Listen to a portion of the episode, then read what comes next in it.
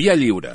Podcast. Au village sans prétention, j'ai mauvaise réputation. Hola, execrables. Molt bon dia. Què tal, Santi Jiménez? Què tal, Malcom Otero? Molt bé. D'aquí una estoneta, Santi, eh, ens escoltem a, la, Ah, sí. a Casa Leopoldo. Sí, sí, sí. Que avui amb un... Vaja, un, ja explicarem qui és l'altra persona que ens acompanya eh, per parlar del la tema... del, del Madrid-Barça, del futbol i de moltes altres coses. Um, avui, eh, Santi Malcom, qui és el personatge Avui- execrable? avui- avui- Ja ho he dit, però vaja. Ah, sí, és, és Karl Lagerfeld, un, un idiota. un idiota. Ah, sí? O sigui, podríem resumir en idiota. Sí, sí, aquest tio que va amb les No ulleres de teniu sol. cap respecte per la Amb- gent que acaba no. de traspassar. Ja, Ja ho sabem. Massa tard. Eh, va, aquest tio, és aquest, si sabreu, que s'assembla a la vostra tieta àvia que només veieu als enterraments, un senyor molt estrany que feia coses de moda i anava vestit així, que tu penses, tio, tu en sèrio ets dissenyador de moda i vesteixes així? I que anava sempre amb ulleres de sol, cosa que a la nit i tot ho feia, allò com la cançó aquella de Galícia Caníbal, no?, de Fa un sol de carallo.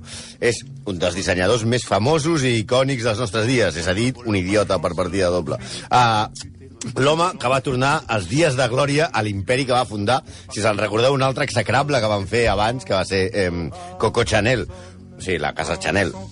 Un home que va ser amic d'Andy Warhol. Andy Warhol, pels de l'ESO, no és el, el, el company de Lucas, d'Andy Lucas, és una altra persona. Eh, no, té, no, no té res a veure. Que eh, va descobrir a Claudia Schiffer, que tampoc diríem que té massa mèrit, perquè descobrir a Claudia Schiffer és com descobrir a Messi. O sigui, si tu veus algú que és així de guapo, dius, home, és que la vaig descobrir. No, no, doncs pues perdoni. Ja, Ja era així. O la, o la descobria vostè o la descobria el següent que passés per la cantonada.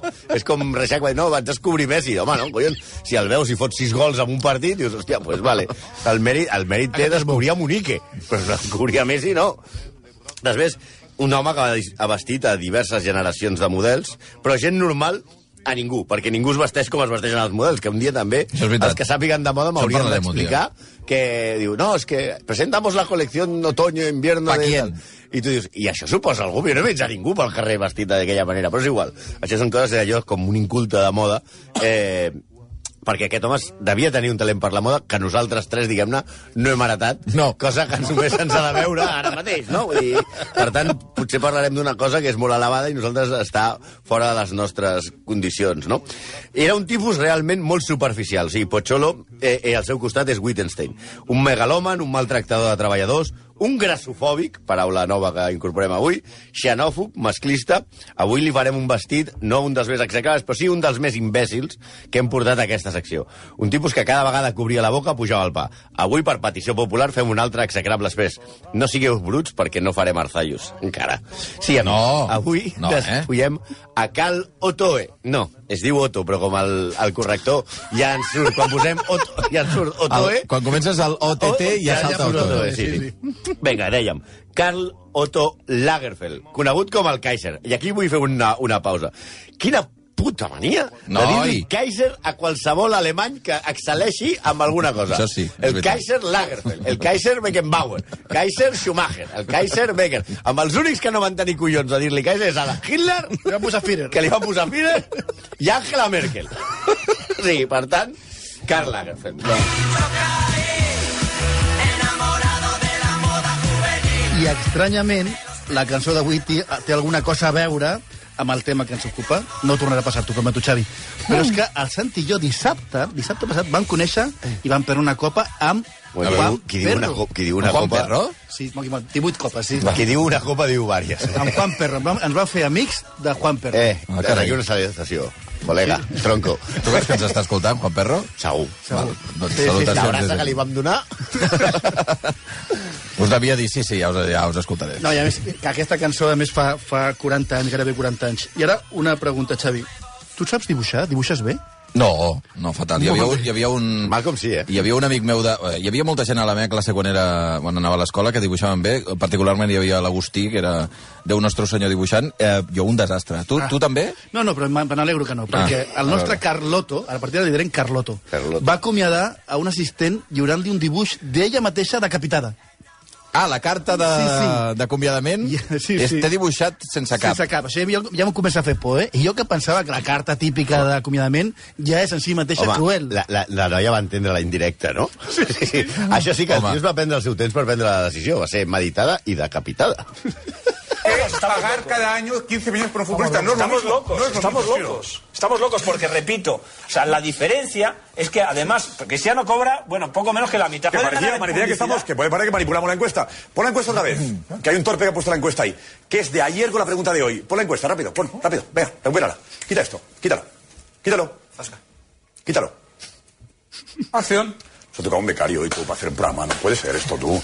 Ya está bien, ¿eh? ya está bien, ¿eh? ¿Está preparado ya al 50%? Venga, si mañana tenemos al equipo vital de Punto Pelota, yo no hago el programa. Vale, si mañana no está el equipo habitual, yo no hago este programa. La última vez que me toman el pelo, ¿vale? Sobre todo a la audiencia. No podemos tener a, a becarios a este programa con todo el cariño, però becarios Con no, todo eh? el cariño. Vale, becarios. Jo, però, per, perdona, això eh, del Pedredol ve per el, per el tema aquest? És a dir... Sí, perquè... Eh, sí, què té a veure Diguem-ne amb que no tractava molt bé els becaris. Ah, d'acord. O sigui, Pedrerol podia... Pedrerol No, era... home, no. Bueno, mira, Arnold Milló, la, la mà dreta del Kaiser de la moda durant 15 anys, explicava que els seus assistents, pitjor pagats que l'Aurorita, per cert, parèntesis, visiten nuestro bar a Twitter, il·lustres execrables, ja s'ha Sí. dit, ala. Havien d'estar, els becaris, disponibles 24 hores al dia. Cap als de l'ESO és tot el, tot el dia. En cap cas, podrien portar-li... A veure, la- un moment, a veure, els de l'ESO i qualsevol sap que els dies tenen 24 hores, no, No, no, ja. cal la, la justificació. És- A més, jo- aquí tenim un becari Per- per eh, que us està mirant Becarios i que... Exacte. Estem per especificar. Que és de l'ESO, òbviament. I el, tens, I el tens disponible 24 hores al dia. Perfecte, perfecte. Fa que no mal dit, eh? És allò. I que en cap cas podrien portar-te la contrària. Com tu. Veus? Que t'està donant la raó. Veus? Mira. Un periodista francès explicava que Carlotto va parar una entrevista per esbroncar el seu assistent, que havia, li havia corregit amb una dada dient-li. I, i el, el Carlotto li va dir per què collons jo he d'escoltar algú tan insignificant com tu? Quan la pobra es va posar a plorar, Lagerfeld li va dir al periodista veus? És molt difícil tractar amb gent així. No tenen caràcter. Per tant, contra, comparat amb Pedrerol, eh, eh, o sigui, comparat amb Lagerfeld, Pedrerol és Marcelino Camacho, pels de l'ESO. Un sindicali... Era un sindicalista... No, és igual, no sabreu que és un sindicalista en vostra vida, perquè sereu Ah. autònoms. S'ha de dir, de dir que, que, que Arnold Meyer va treballar dos anys en Carlotto sense rebre cap remuneració. Era com el Jean Paul Desgrava de la moda. Sí, sí. Potser estava una mica curt de diners, eh? perquè en aquella època va decidir canviar el terra d'un saló de 120 metres de la, de la seva casa de París, com seria la casa si aquell saló extra tenia 120 metres, per posar un parquet especial que li permetés fer les seves dues classes setmanals de mambo. S'ha de ser cutre. Mambo! I ja estava pel caldo en aquell moment, eh? Tothom ho sap. Si vols ballar mambo, un parquet especial. Si no, no surt bé. Perds je ne sais quoi. Sí.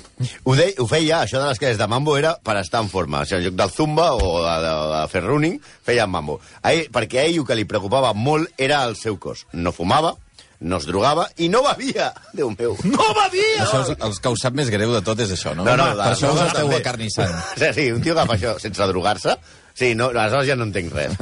Perquè l'únic motiu que se li podria perdonar que el portés ulleres de sol a tota hora és que tingués ressaca. Això sí. Per- Això és, di- això és una cosa digna. Bueno, digne. A veure, No, no, d'acord, totalment digne per digne. vosaltres, d'acord, d'acord. Clar, però ell deia que no, que, la, que ell, ell explicava aquestes idiotades de és per adormir-me perquè la gent m'avorreix o per observar discretament els altres. A veure, gilipolles, que ja ets un vell arrugat. I vaja, que et trobes amb, mi, amb el nostre amic Hobbit Kerkachan, que és una persona que tonteries d'aquestes aguanta poques i estàs menjant vidre tot el dia de la setmana. Hobby que, que, que Uchkerian, que recordem, és, el vam entrevistar fa uns quants anys a, a, a rac i és un tio que fa dos per dos, actor i exboxejador, un animal I, i, i, i poc increïble. tolerant amb les tonteries de la gent. Ara, Exacte. ara estrena una pel·li amb Jean Reno, ara, Mm. ara mateix aquests dies. Bueno, Eh, m'he- perdut, sí. Cu- Cuidava, el seu, cuidava molt el seu cos, Sí. Ah, tant Lagerfeld, cuidava el no, seu que- cos, que- que va escriure un llibre de com aprimar-se. De fer dieta? Sí. Fer Lagerfeld, va fer un la dieta autoajuda. Lagerfeld, La dieta Lagerfeld. Havia de funcionar, perquè ella va perdre 34 quilos. Què dius? I això, que en principi està bé i és respectable, com sempre, a l'estil Carlotto, ho va fer malbé amb una frase. Ho vaig fer per, per tenir una talla 36. Això ja fa ràbia, eh? Molta. Ja fa ràbia. Això diu. Sí, explica la seva assistent que, tot i així, rebentava les cremalleres del, dels pantalons amb molta freqüència. Ai, picarón. Esclar, els pantalons tan estrets, veus alguna cosa que t'anima, es munta tota sola a la tenda de campanya i ras! No, escolta, no cal la cridar. candolla fora. Clar, a més a més, a, a, aquests pantalons allà, tan, tan, tan, tan, tan arrapats. Sí que alguna foto he vist i és veritat que va molt apretat, eh? Marcando I- i paquete. És aquells que per treure'ls t'has d'estirar el llit. que és una, una situació molt... Molt humiliant. I has de fer com una mena de culebra per intentar treure't aquells pantalons. O demanar a algú que t'ajudi. Que sí, estem- que quan els 24 treus, hores... Segurament anava depilat, però la gent que té pèls... normal. Frena. No, frena no. Per l'electricitat estàtica treus els pantalons i fa... Brum, i, pugen, I pugen tots els pèls, allò. I allà pots connectar la ràdio i la sents, eh? La veritat. Crees una corrent impressionant, no? Ets, ets magneto. Bueno, bé, tornem a... Ai. No sé si això entra dins de l'apartat de cuidar el cos o de maltractar el teu equip, però a més a més, una altra cosa. Hem dit que no bevia alcohol, només bevia Coca-Cola Light. Diet Coke, que li diuen ells. Sí. En gots de cristalls de bacarat. Ah, que això és, es veu, jo no tinc ni idea què és, això ho ha explicat el Malcolm, jo, es veu que és un cristall que és com, com aquestes que tenim aquí, com els gots que tenim aquí Sí. Més o menys, no? Sí, sí. Però és Otoecar. La copa calia canviar-la cada 30 minuts. Ah, carai. Imaginem que la Coca-Cola també, no? Li, li posaran una altra. I també el Lapo, que li devien tirar la Coca-Cola als Va, seus assistents. va. Perquè jo sóc assistent d'aquest tio i cada vegada que em demana, cada mitja hora, canvia'm la Coca-Cola. I fot un gargall. Vamos. Escolta. I diu, toma, Coca-Cola, toma Coca-Cola con crosta. Noi, Vinga, no sigueu guarros, Suposo que també favor. Havia de Oh. renovar. Sí. També s'empastifava dues vegades al dia amb una crema que tampoc sé ni què és, que es diu la Preur. Que es Pre- veu... la Prairie. La Prairie, jo què sé què és això. És una, és una, és una crema d'aquestes de per la cara, que es veu que, perquè ens entenguem, cada pot d'aquesta crema val com la PlayStation 4. Sí, exacte. En això, el Carl era com nosaltres. Li importava la seva imatge.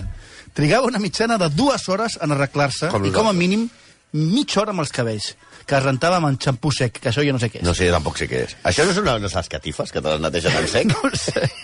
Si nosaltres triguéssim dues hores a preparar-nos per sortir de casa, aquesta secció sortiria a reconcentrat amb el Jordi Beltrán, eh? De fet, Sí, sí. algunes setmanes ja enviem el guió com si la secció fos per la tarda, ja directament. Sí, quasi, pràcticament. També, també ens fa gràcia que s'inventés i, i posés de moda, bueno, de moda entre els que se la posaven, un- unes camises de, de, de colls superalts, no sé si heu vist les fotos, i això ho feia per ocultar les arrugues aquestes penjants que tenia la papada, de merda que tenia. Segons diuen, servien per predir els moviments sísmics. Quan començava a tremolar, la, la, la papada li començava a tremolar, Però- és que, és que, és que a Esteu- Hong Kong, esteu- esteu és que a Hong Kong eh? o a les Illes Célebes començava a haver-hi un, un moviment sísmic. Esteu d'un faltón, però inacceptable. avui. També va dir que estava en contra de la cirurgia estètica i deia que no hi ha res més vell que intentar semblar jove. Això hi estic bastant d'acord, eh? Sí, això ho diu un tio que feia classes de mambo, eh? També t'ho dic, eh? Bueno. bueno. Sobretot estava en contra de les operacions dels llavis, parlem dels llavis de la cara, Noi! i en això... Noi! Escolta'm, targeta ja! Sobretot té raó amb quines operacions, això t'hem de donar de veritat la raó, de que les operacions aquestes facials de llavis i, de, i lístips que es fan algunes persones Sí. es deixen amb el rictus de, de Francisco Franco o Ramon San Pedro, eh? Home, Sí, però hàgim de parlar, Carnassa. A veure, què passa? Perquè els defectes de Carlotto no seran que volia estar prim, que estava en classes de mambo, prenia Coca-Cola en copes cares, era excèntric i tractava malament els seus empleats. No, la veritat és que tractava malament a tothom, però, però anem, anem dels grossos i les grosses. Ell era grassofòbic. Ah. Li molestava que la gent estigués grassa, gorda. Que de bé. fet, des de fa anys va ser un defensor de les models ultraprimes que tants problemes han portat i que tant, tanta polèmica en general. Molt maco. No? Quan li preguntaven per la mala influència aquesta per als joves, a més de dir que era pitjor de l'obesitat, com si només poguessin estar grossos o ser obesos. On, on queda el nostre fofisanisme eh, de persones normals? Deia coses com a França hi ha un gran percentatge de noies joves amb sobrepès i menys de l'1% són molt primes. Llavors parlem del 25% que té un problema de pes. No necessitem discutir aquest menys de l'1%. És a dir, que el tio creia que no, no estava fent res malament. Només se li pot dir que era idiota. mm, Sempre deia que això de les dones reals, les dones aquestes de veritat, era una ximpleria. Ningú vol veure dones amb corbes. No, ningú, no, ningú, ningú. ningú, ningú. Ningú, ningú, ningú. Aquestes mares grasses... això estàs seva- citant literalment a, Literalment, sí, sí. a Lagerfeld. Eh? A- Aquestes mares grasses amb les seves bosses de patates fregides assegudes davant del televisor i dient que les models primes són lletges. La moda és sobre els somnis i la il·lusió. Jo encara diria més que el Santi. Ets idiota. Sí. Una altra de les cagades de Lagerfeld en aquest tema va ser quan va dir que Heidi Klum, Heidi Klum, per favor, és simplement massa grossa. Ai, ai, ai, Concepte, ai, ficar la frase grossa i Heidi Klum eh, i que tenia un bust massa gran pel seu gust. Ho va dir per la portada que va fer Heidi Klum per la versió alemanya de la revista GQ. Mireu-la, si us plau. Jo ja sé per què portava ulleres fosques. És que no hi veia. Estava sec, aquest home. Totalment. Després hi ha el famós cas d'Adele, la cantant. Ell va dir al diari Metro ella és una mica massa grossa, però té una cara bonica i una veu divina. Després ho va voler suavitzar en coses com si jo l'adoro, si jo l'estimo. Saps com aquella frase de no sé qui és molt amic meu, però... Saps? Sí. Com ben així, igual. És com si digués, no, Suárez Luis Suárez està una miqueta fondón, però, no- però va, marca gols al Madrid. no. Després va matisar. No vaig dir, que, va dir ell, no vaig dir que ella fos grossa, vaig dir que era una miqueta rodoneta, però després d'això va perdre 8 quilos, i així que crec que el missatge no va ser tan Però dolent. serà, serà animal. Creu que, a més, Adel va aprimar-se per, Per ell. Per ell. Sí, sí, cal dir que atacava no solament la, la grossor, atacava a tot i a tots. Potser tot s'explica amb la resposta a la revista Vogue després d'un- desfil d'aquest li va preguntar com se sentia i va dir, jo no tinc, jo no tinc sentiments humans. Això és una uh, literalitat, eh, de Literalitat. Lagerfeld. Això explica coses com que portar que coses que va dir ell, tonteries, com que portar pantalons de xandall és un símptoma, un símptoma de fracàs. Aquest veu Gandia Shore i li dona un Sí, pelele. la veritat és que sí. A més, era un tipus molt venjatiu. Lady Di, que havia portat molt la roba de Chanel que dissenyava ell, va deixar de portar-la perquè la això també té gràcia, eh? La CC de, de Chanel, del logotip, li recordava a Charles i Camila. Oh. Ell se la va guardar i va dir era bonica i dolça, Lady Di, però era estúpida. En això, fins i tot, mira, aquí cal et podríem donar la raó. També es va ficar amb Pipa Middleton, dient que la seva cara era desagradable i que hauria d'ensenyar només l'esquena. Cosa que complicaria molt certes accions de la vida quotidiana, com per exemple anar en bicicleta. però no solament, però no solament la família real. Va dir que Meryl Streep no havia portat un, vet, un vestit seu als Oscar perquè un altre dissenyador li va oferir més diners. I de pas va dir que era una actriu vulgar i barata. De Meryl Streep. Sí. Hosti. Sí. Això del vestit era mentida i ella el va obligar a retractar-se. Oh. L'altra afirmació també era mentida, però ningú no va obligar a retractar-se. Mira, i ara ve una cosa molt bona. Com dèiem, aquí, a una ocasió li van preguntar a Lagerfeld què faria si ell tingués poder, si podés governar. I ell va dir, obro Com que era el Kaiser, Sí, clar. Faria alguns canvis estratègics en la llei. Bueno, a veure... Començant per donar ajudes segons el dress code i declarar la guerra als catets. M'agradaria fer-me cap de la policia de l'estil i lluitar feroçment contra la deixadesa. Anar ben vestit no és qüestió de mitjans. Canviaria les prestacions familiars per un bonus de manteniment perquè aquells que realment s'esforcessin. Va, o sigui, aquest tio fa que Vox sembli sensata. i nosaltres seríem a la presó, te n'adones? Sí, no? evidentment. Però no hi ha basal sense Lagerfeld. Contra els animalistes, que estaven contra els abrics de pell, ell deia és una actitud infantil. Aquests animals, els que defenseu, us devorarien en el seu estat salvatge. Home, va. O sigui, la notícia és dissenyador devorat per un bisó de 40 centímetres. Bisonzilla! Ca, ca, cabra, el, el, els bisons cabrejats tenen molt mala llet, eh? També va parlar contra l'adopció per part dels homes. Els fills són per les dones. Espereu, Oh, espereu, això la, va dir, també. espereu la següent frase. A veure. Ha de ser horrible tenir una filla lletja. És molt... Hòstia, és terrible. és un eh? cretí. S'entén que un fill és igual. Un fill el pots tenir lleig. Una filla sí, és una desgràcia. És que tu eres molt tonto. O aquesta perla que farà que l'Aurorita faci escuma per la boca. Vaja, com sempre. Coco Chanel mai va ser feminista. No era prou lletja. Tot això, insistim, eh? ho va dir Karl Lagerfeld, són part de les perles que havia deixat anar. Senyor, admirat. No sabem sí, sí. Què, què, què més, també? Mira, perquè a, a, a part d'odiava els grossos, contribuïa a l'anorèxia, estava a favor de matar animals per fer abrics cars, volia que les prestacions socials siguin perquè vesteixin bé, estava en contra de l'adopció dels homes, era misògin, cruel, antifeminista. Però bé, només per això no li farem un execrable? No, pues tenia alguna cosa més. Sí, per seguir contra el feminisme primer, les seves opinions sobre el moviment Me Too són de traca. Diu literalment, estic fart d'aquest tema. El que més em sorprèn de tot això eh, són les estrelles que han trigat 20 anys en recordar el que va succeir, sense esmentar el fet de que gairebé mai hi ha testimonis. No, quan et violen normalment no hi ha testimonis, amic. L'Aurorita ens ha demanat, per favor, que en aquest programa, en aquesta sessió, no diguem mai la paraula fill de puta. Eh! Així que, doncs, no la direm, Va. per la canyes. Per favor. També aquest tema i el dels models que van a- afegir-se al, al moviment MeToo va dir si no vols que et treguin els pantalons, no et converteixis en una model. Honesta a un convent, que sempre hi haurà lloc per tu en el convent. Estan buscant gent. Jo tampoc diré que és un fill de puta. Prou. Li direm bufallauna. Prou. però sempre es pot empitjorar. Uh, en el 2017, Lagerfeld va dir que els immigrants sirians i musulmans no eren benvinguts a Europa i va aconseguir ajuntar islamofòbia en antisemitisme amb una frase. Això té mèrit, eh, també. Té mèrit. Diu la frase, no es pot matar milions de jueus per després portar a milions dels seus pitjors enemics en el seu lloc. O sigui, aquest comentari es va fer dies després de les manifestacions neonazis demanant refugiats fora. Després d'això, eh, va fer eh, que va, va convertir a la seva gata, no volia sirians i res, però... Si em pensava que això és el primer que diríeu, el tema de la gata, Amb la, la que, gata, que l'ha va fer fet... eh, Una estrella, la gata va... eh, Que, hereva universal, pràcticament. Sí, i surt a, la, a, la, a les seves campanyes de publicitat, va guanyar més de 3 milions d'euros en publicitat i ell ha fet la seva hereva universal.